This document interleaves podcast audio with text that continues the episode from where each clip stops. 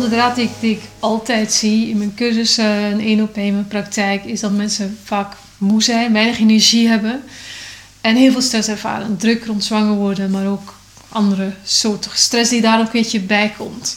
En als je kijkt naar stress, er zijn twee soorten stress. Acute stress en je hebt chronische stress. Een acute stress, dat is als je bijvoorbeeld in het verkeer zit, je krijgt bijna een aanrijding. Chronische stress is iets wat op de achtergrond steeds doorkabbelt en waar je soms zelfs niet meer bewust van bent. Soms zijn we van die go-getters die altijd maar doordraven en nog een e-mailtje s'avonds en nog eens dit en dat. En heel de tijd druk zijn wordt een gewoonte. Wat er gebeurt dan als je, als je steeds zorgen maakt om iets, dat wordt opgevangen door een klier in je hoofd, de hypothalamus. En de hypothalamus is een superbelangrijke klier als het op, om zwanger worden en hormoonhuishouding aankomt. Die regelt je hormoonhuishouding, die stuurt uh, uh, je bijnieren aan, je voortplantingsorganen aan en ook je schildklier aan. Dus als je uh, vaak gestrest bent en je vaak zorgen maakt om iets en je blijft je zorgen maken om iets, dan gaat die hypothalamus zeggen: Wow, mijn mens heeft een probleem.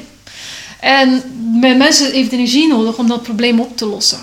Eindelijk geeft je lichaam dan het signaal dat je aan het overleven bent. En dan zegt je hypothalamus tegen die bijnieren: ga maar een beetje meer cortisol produceren. En cortisol is het hormoon van de overleving.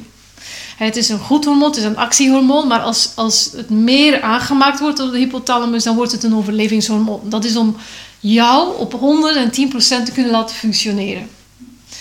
En uh, wanneer dit gebeurt, gaat er minder energie naar je voortplantingsorganen. Dus in die zin is die hypothalamus een beetje het zwanger worden stoplicht. Groen, alles is in balans, alles is oké. Oranje, chronische stress, je maakt je zorgen om iets, je bent steeds druk in, in de weer. Rood is van, wow, je zit echt in overlevingsmodus. En als je in overlevingsmodus zit, dan ben je ook moe.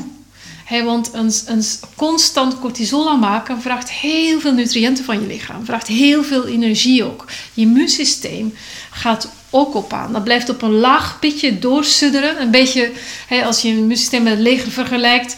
De troepen moeten helemaal paraat gezet worden, want jij zit in overlevingsmodus. Er zit een leeuw achter je.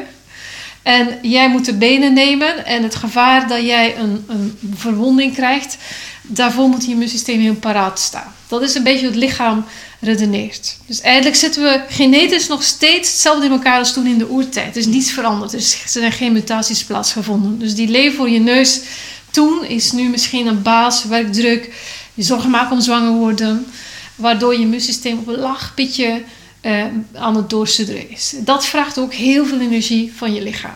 Dus dat verklaart waarom je, waarom je meer moe bent.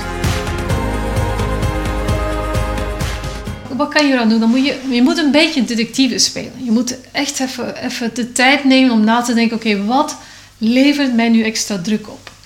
En sommige mensen zijn van nature uh, mensen die graag dingen ondernemen. Dat zijn de dopamine-types. Dan maak je veel dopamine, maak je makkelijker cortisol aan dan iemand anders. Dat is een genetisch ding. Dat zijn meestal ook de ondernemers uh, onder ons. En dan wordt het een gewoonte om altijd bezig te zijn. Om altijd nog snel die e-mail te doen s'avonds. Nog snel voor dit te zorgen. Nog snel voor dat. Dus weinig je rust te pakken.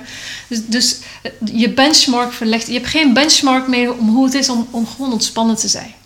Dus niemand post graag zijn tanden, maar iedereen doet het. Eigenlijk zou een beetje dezelfde gewoonte moeten maken om s'avonds een ritueeltje te bedenken waarbij je zegt: Oké, half uur voor gaan slapen ga ik even helemaal tot rust komen. Ik lees een boek, ik doe ademhalingsoefeningen. En ademhalingsoefeningen waarbij je de uitademing langer maakt dan je inademing. En die vind je in mijn online cursus terug, in mijn boek terug.